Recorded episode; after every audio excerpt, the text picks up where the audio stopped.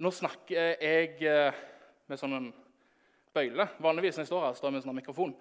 Så nå har hendene mine fri, og jeg snakker enormt mye med hendene. Så det vil dere oppdage. Og vi bare beklager for de som hører opptaket, for de kommer ikke til å se det. Så de kommer til å gå glipp av litt av uh, gestuleringa mi. Og det må dere bare tåle. Tillit, ja. Uh, det er det jeg skal snakke om. Og det fant jeg ikke ut før på torsdag. Men når jeg fant ut av det, så tenkte jeg Hva er tillit? Så, så tok jeg også Jeg følte meg liksom som en sånn mellomleder i, uh, i en uh, mellomstor bedrift. For jeg søkte 'Hvordan bygge tillit?' Eh, igjen så følte jeg meg kanskje litt som en Jeg skal ikke bruke ordet psykopat, men en som prøver å passe inn. Liksom, jeg ser Menneskene observerer de ser at de, de har tillit mellom en annen. Hvordan, hvordan, lager jeg det? Hvordan kan jeg gjøre det for å passe inn?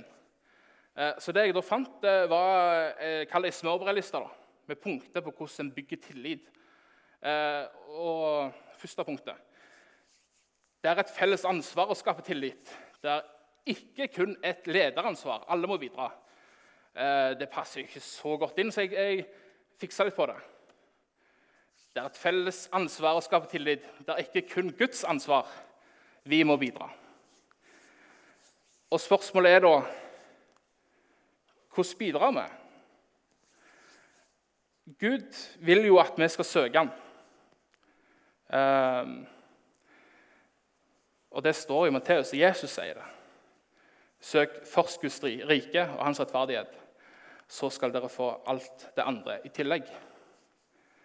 Så Guds, Guds beskjed til oss er at vi skal søke ham. Han kjenner jo oss.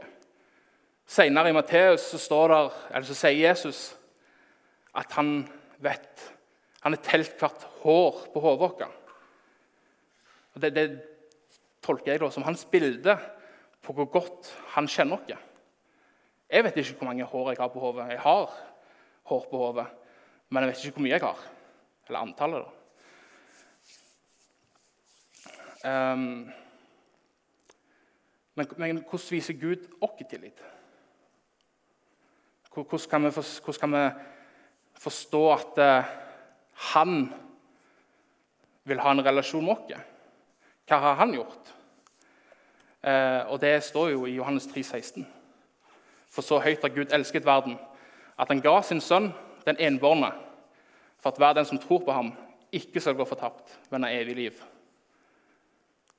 Gud ofra sin eneste sønn fordi han vil ha relasjon med oss. Hvis ikke det er en tillitserklæring, så vet ikke jeg. Det, det, det, er, liksom, det er, helt vanvittig. Det, viser hvor høyt han elsker oss. Um, da går vi til neste punkt. Da. Neste punkt var Ta deg tid til å bli kjent og bygge relasjoner med dine kolleger. Slik blir terskelen lavere for å be om hjelp når du trenger det. Min tolkning ble da ta deg tid til å bli kjent og bygge relasjoner med Gud. Slik blir terskelen lavere for å be om hjelp når du trenger det.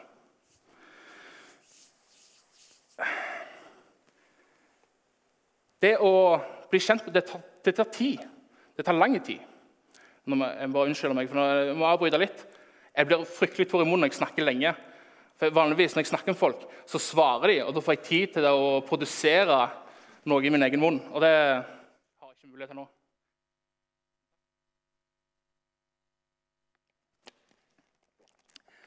Se der. Det tar tid å bli kjent med noen. Det tar tid å bygge en relasjon. Vi har en viss tid her på jorda. Og den tida ønsker Gud at vi skal bruke på å bygge en relasjon med ham. Et eksempel er Enok, en av de første personene eh, som det er skrevet om i, i, eh, i Mosebøkene helt i begynnelsen av Bibelen. Vandra med Gud i 300 år. Eh, etter de 300 årene så tok Gud han til seg. Det, vi har ikke 300 år. Men vi trenger ikke 300 år på å bli kjent med Gud. Vi har Guds ord og vi har bønn. Det er sånn vi blir kjent med Gud. Så når vi ikke har 300 år, da, da, da må vi bruke den tida vi har. Og jeg, jeg, tenker jeg, vet ikke om dere har vært på ferie med, med venner noen gang. Kanskje over ei uke, over et tidsrom. Jeg har det. Ikke for å skryte, jeg har venner. Um, du, og det kan være veldig gode venner, folk du har kjent hele livet ditt. Men når du kommer til den femte dagen av de sju, du begynner å bli drittlei. Du, du, du, kjenner bare at det, det, er ikke ferie lenger. Jeg, jeg, gleder meg til å komme hjem. Men sånn er det ikke med Gud. 300 år Enok gikk aldri lei. Og, og, og det, det, viser bare fullkommenheten til Gud. Du kan være med Gud i alt. Og Du går aldri lei. Det er alltid noe nytt. Det er alltid noe nytt å lære. Det er alltid noe nytt du kan oppleve med Gud. Så ta gjerne Gud med på ferie. Ikke ta ferie fra Gud. Ja Det neste, I Hebreerne 11 så står det eh, hele, kapitlet, eh, hele, det kapitlet handler om, om eh, trua til personer i eh, Det gamle testamentet. Noah, Noah som bygde en ark på tro. Altså Du bygger bare en båt der det ikke er noe vann. Eh, du er Abraham som reiste vekk fra der han bodde, i tro. Enok, som jeg nevnte tidligere. Og Sara, som ble lovt at du skulle få en sønn. Som måtte vente mange mange år før hun fikk det. Og de gjorde det i tro. Og nå tenker dere, det, det skal jo handle om tillit, dette, men tro og tillit er jo det samme. De hadde tillit til Gud, så de gjorde det. I eh, vers 13 eh, og 16, eller 13 til 16 så står det, altså i Hebreerne 11 I denne troen døde alle disse uten å ha fått det som var lovet. De bare så det langt borte og hilste det. Og de bekjente at de var fremmede og hjemløse på jorden. Når de taler slik, viser de klart at de lengter etter et fedreland. Hvis de ikke hadde tenkt på det landet de dro ut fra, hvis de hadde tenkt på det landet de dro ut fra, hadde de hatt tid til å vende tilbake. Men nå er det et bedre land de lengter etter, det himmelske. Derfor skammer ikke Gud seg over dem, men vil kalles deres Gud. For han har gjort i stand en by til dem.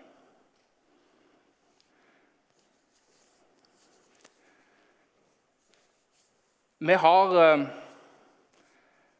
vi har, jo samme, vi har, den samme lovnaden. Og i troen så har, har, vi tillit til at det er der vi skal. Den samme troen som de hadde. Noah, Abraham, Enok og Sara. Det er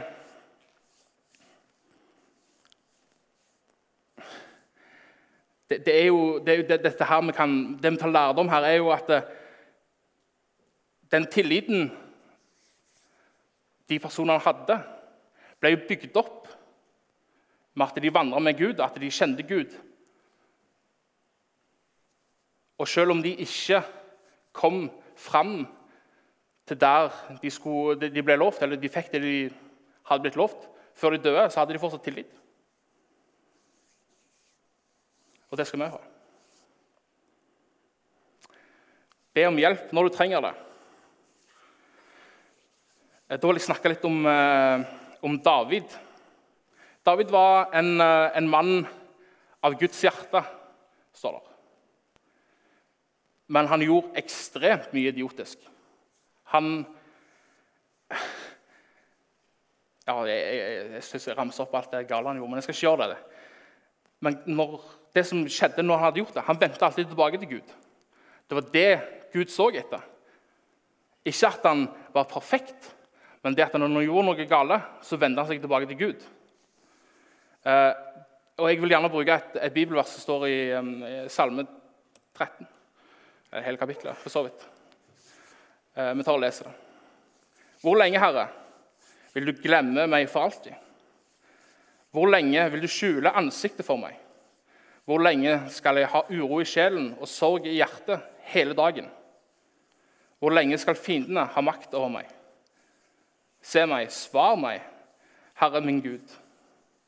Gi mine øyne lys, så jeg ikke sovner inn i døden, så mine fiender, fiender ikke kan si 'jeg har vunnet over ham', og min motstandere ikke jubler når jeg vakler.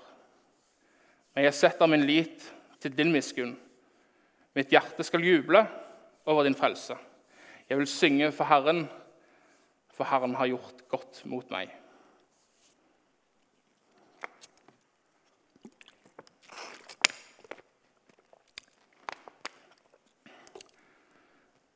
I verset så er det en, det er en nedbrutt mann.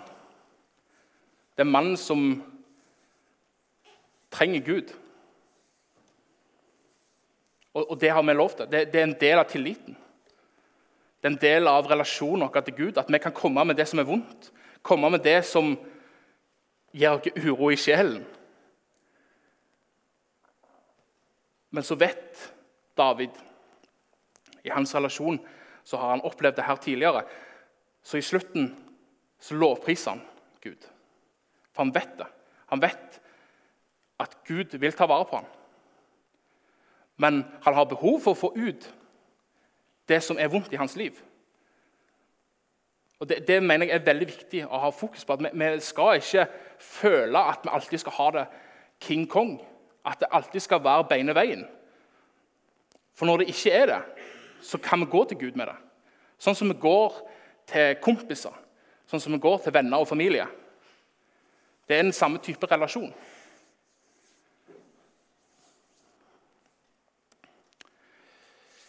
Neste punkt er levere som avtalt. Gi tilbakemelding dersom du ser at du ikke rekker fristen. Vær en ærlig person som er til å stole på. Eh, jeg valgte å ikke endre så veldig mye. Lev som avtalt. Be om forlatelse når du gjør urett. Vær en ærlig person som er til å stole på. Lev som avtalt. Gud har gitt dere ordet. Og ordet er en oppskrift på hvordan vi skal leve. Ikke sånn at det, så må du gjøre det, men hvis du vil ha et godt liv, så følger du det som står i Bibelen. Gud vet det aller, aller beste for deg. Og følger du Hans ord, så vil du ha et godt liv. Og Det, igjen, det handler jo om tillit. At du har tillit til at Gud vet det beste.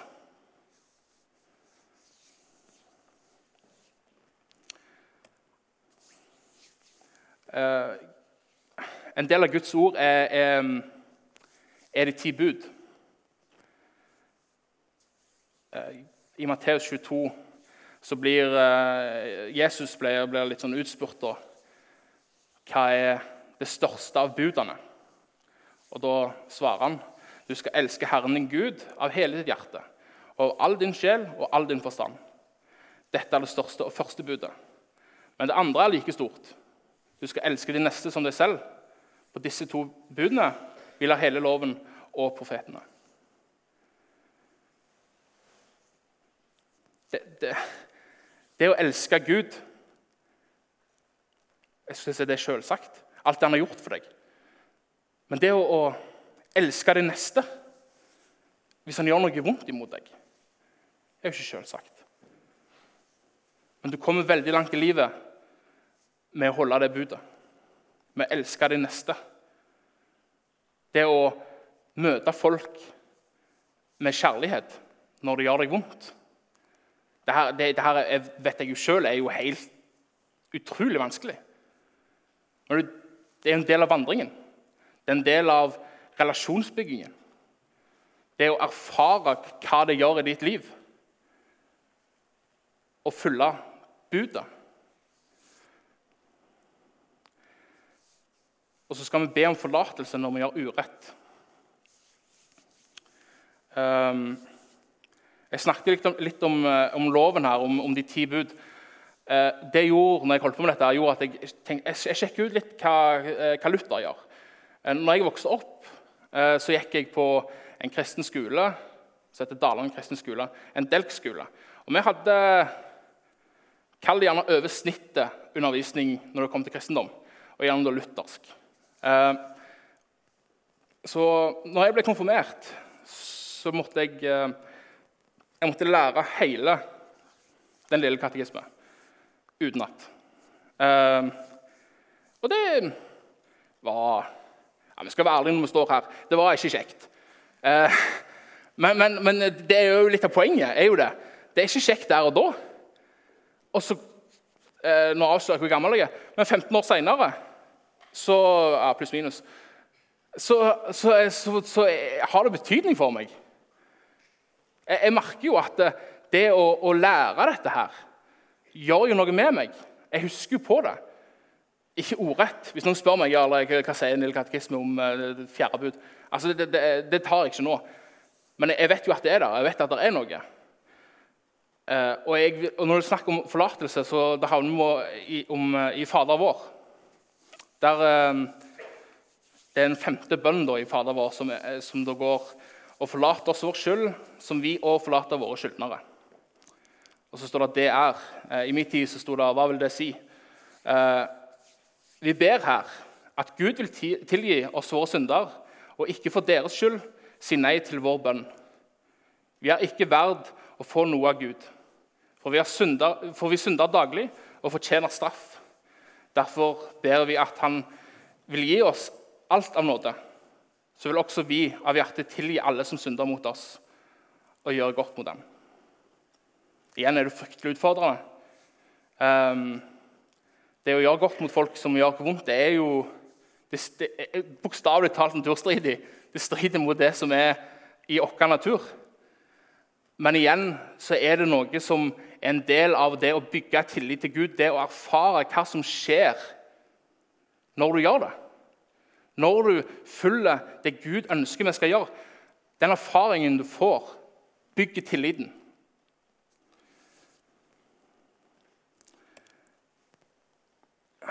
Ja Jeg skulle til å si, Nå husker jeg ikke hva, hva punktet handler om. Jo, at eh, vi skal levere, eller leve som avtalt.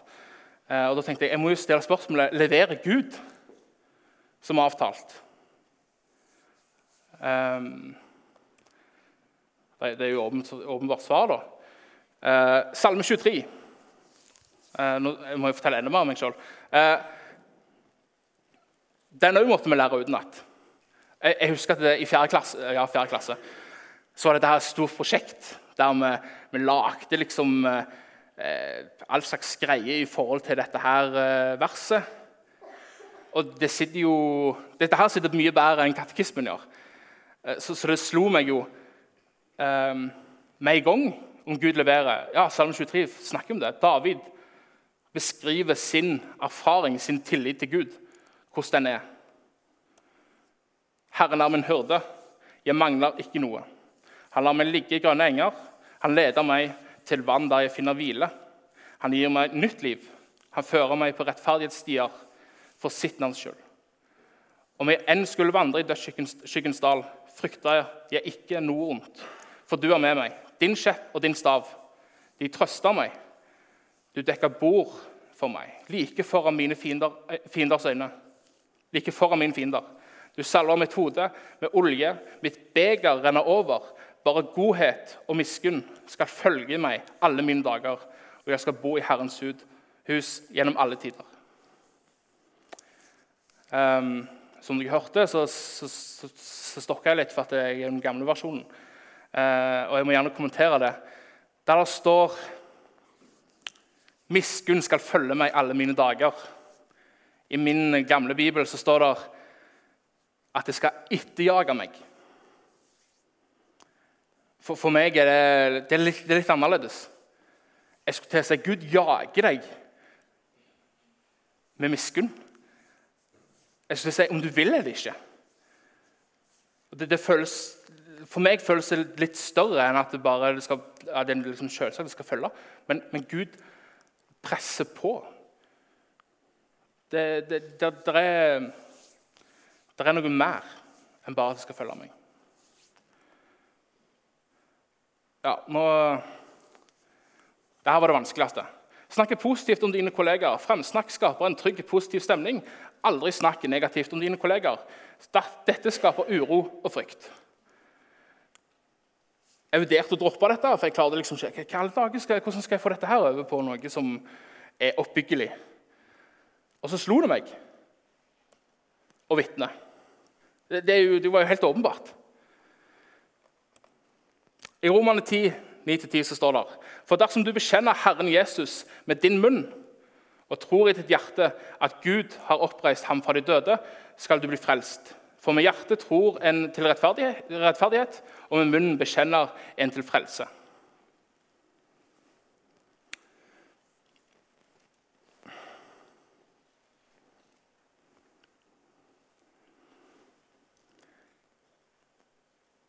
Vi er kalt til å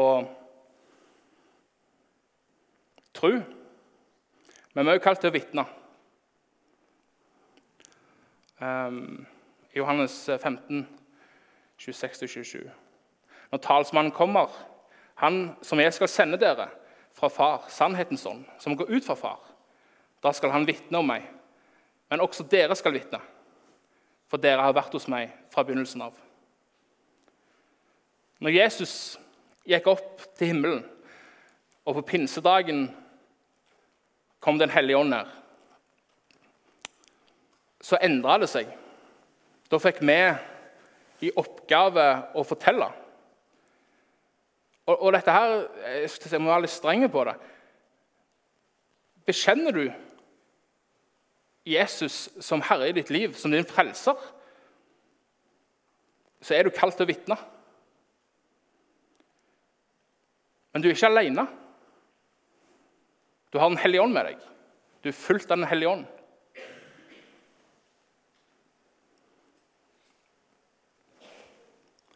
Um, ja Jeg vet ikke hva jeg skal si om det. Det, det er litt det jeg, jeg, opplever det sjøl litt som veldig strengt at det, det må du gjøre. Men, men det er et vidt spekter av hvordan du kan vitne til folk. Du kan vitne med det du sier, det du ikke sier, det du gjør nestekjærligheten til en annen. Alt det vitner om hvem som er herre i livet ditt. Og På dette tidspunktet så hadde jeg rota meg litt inn i noe mer Luther-greie. Og da kom jeg over Jeg er usikker om det er en andakt eller hva det er for noe. Men, men Luther eh, snakker om, om troen. Eh, og hva den skal gjøre. Og hva du skal gjøre med den. Eh, troen, som er en høy gave og skatt fra Gud, må bryte frem og vise seg i sannhet for meg, for Gud, for alle engler, djevler og for hele verden. For like som en edelsten ikke blir lagt i skjul, men bæres offentlig, slik må også troen bekjennes, som det står i 1. Peter 1,7. Slik blir troen deres prøvet. Selv eh, forgjengelig gull blir prøvet i ild. Troen, som har mye mer verdt, må også prøves, så den kan bli til pris og herlighet og ære for dere når Jesus Kristus åpenbarer seg. Um, når du vokser opp uh, Alle har forskjellige oppvekster, så jeg må bruke meg sjøl som eksempel. Jeg er vokst opp eh, i det som vil være ei kristen boble. Jeg, jeg, gikk på en kristen skole i tolv år. Fra første til andre videregående. Eh, jeg trodde på Jesus, at Jesus var min frelser. Når jeg var 17, så begynte jeg eh, i lære som elektriker.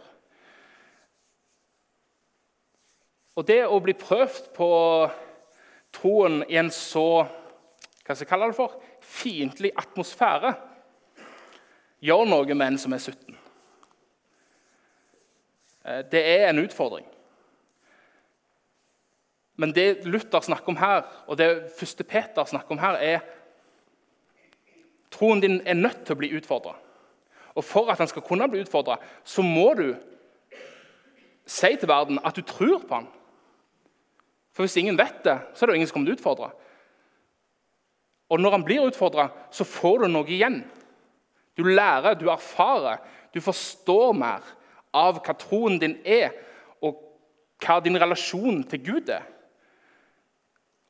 Og for å binde det opp i den røde tråden altså Det er jo det som skaper tillit. Gud er med deg, Den hellige ånd er med deg. Når du møter personer som ønsker å utfordre det du tror på.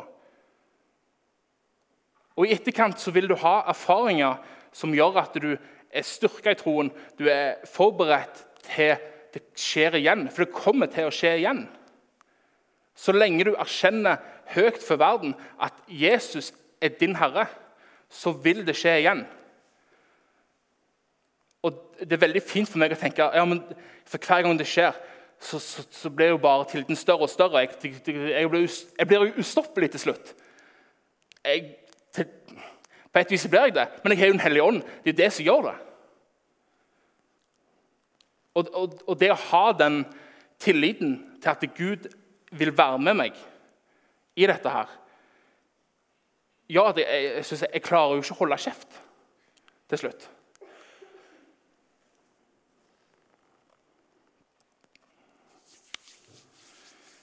Vis sårbarhet og vær åpen om utfordringer. Slik bidrar du til en raus og støttende kultur. Ja Her har jeg tatt meg det som kalles kunstnerisk frihet. Gud vil forme livet ditt, og det kan være utfordrende. Du er nødt til å gi fra deg kontroll. Du kan ikke på egen hånd bestemme over ditt eget liv.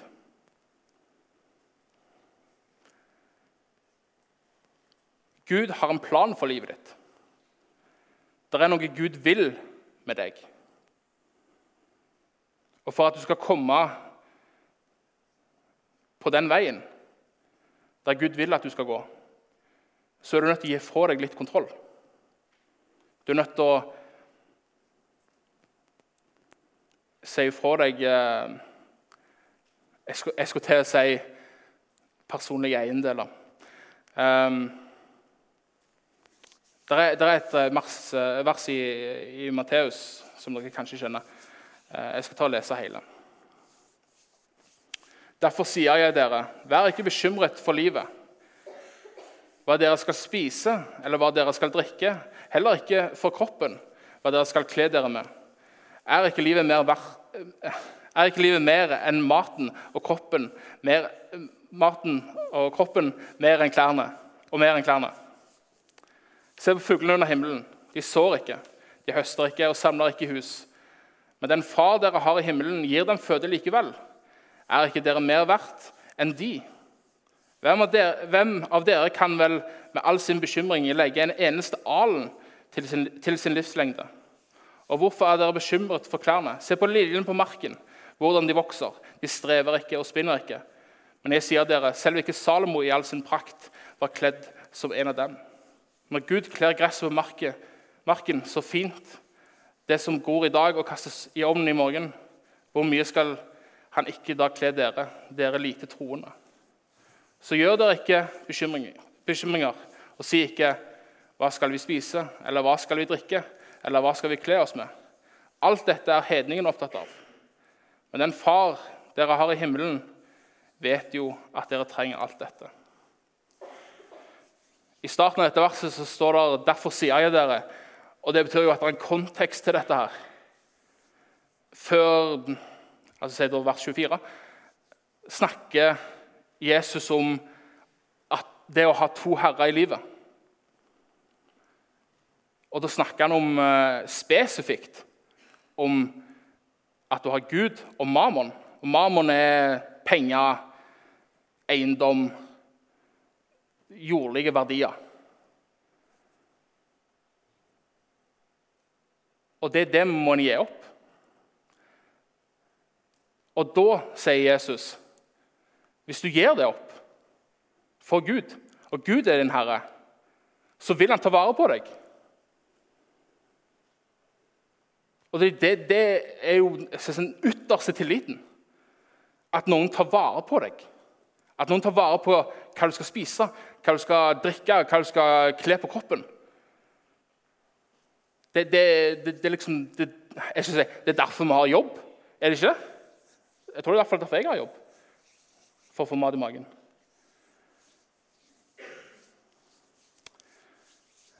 Og da tenkte jeg at um, Jeg skal prøve å knytte det litt fint, opp. For, for det her er avslutningen på de versene. Det var det jeg starta med. Søk først Guds rike og hans rettferdighet. Så skal dere få alt det andre i tillegg. Så gjør dere ingen bekymringer for morgendagen. Morgendagen skal bekymre seg for seg selv. Hver dag har nok med sin egen plage. Og Da vil jeg også presisere at eh, jeg var litt innom det tidligere. Det er ikke bare kontrollen du gir ifra deg. Du gir ifra deg bekymringer og byrder. Alt det tar Gud. Hvis du har tillit til ham. Hvis du ønsker å vandre med ham, hvis du ønsker å ha en relasjon til Gud. Og det får du som sagt i bønn og i Bibelen. Når jeg var, Dette er egentlig siste slide. Når jeg var ferdig med dette her eh, i går halv tre på kvelden eh, Ja, det er kveld. Eh, så slo det meg at eh, Gud ønsker jo Den, den relasjonen som Gud ønsker å ha med oss, og hvordan den skal se ut, er veldig veldig lik, og helt lik nesten, hvordan vi skal ha en relasjon til en annen. Og, og det, er, det, det, er, veldig viktig for meg at jeg får sagt hvor, hvor, hvor stort det er å være i et fellesskap der Gud er herre, at vi er i, i Hans kirke. For vi er kalt til å være i fellesskap. Og, og det å dele erfaringene vi har med Gud, med hverandre, er òg en del av det å, å, bygge tillit til Gud og, ha, og, ha, og hans eh, forhold til dere.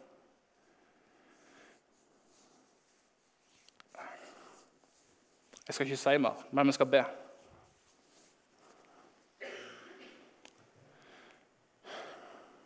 Himmelske Far, takk for uh, Takk for at du kan bruke, bruke oss som vitner. Takk for at du har kalt dere til et nærvær med deg. Takk for at du ønsker et nærvær med oss og leder dere i livet. Takk for at vi trenger ikke å bekymre oss for framtida, for du har kontroll. Himmelske Far, du ser vi som er her i kveld. Jeg ber om at du velsigner oss. Jeg ber om at du gir oss det vi trenger i livet. Jeg ber om at du tar tak i det som drar oss vekk ifra deg. Jeg ber om at du kaller på oss og kaller oss inn i ditt nærvær.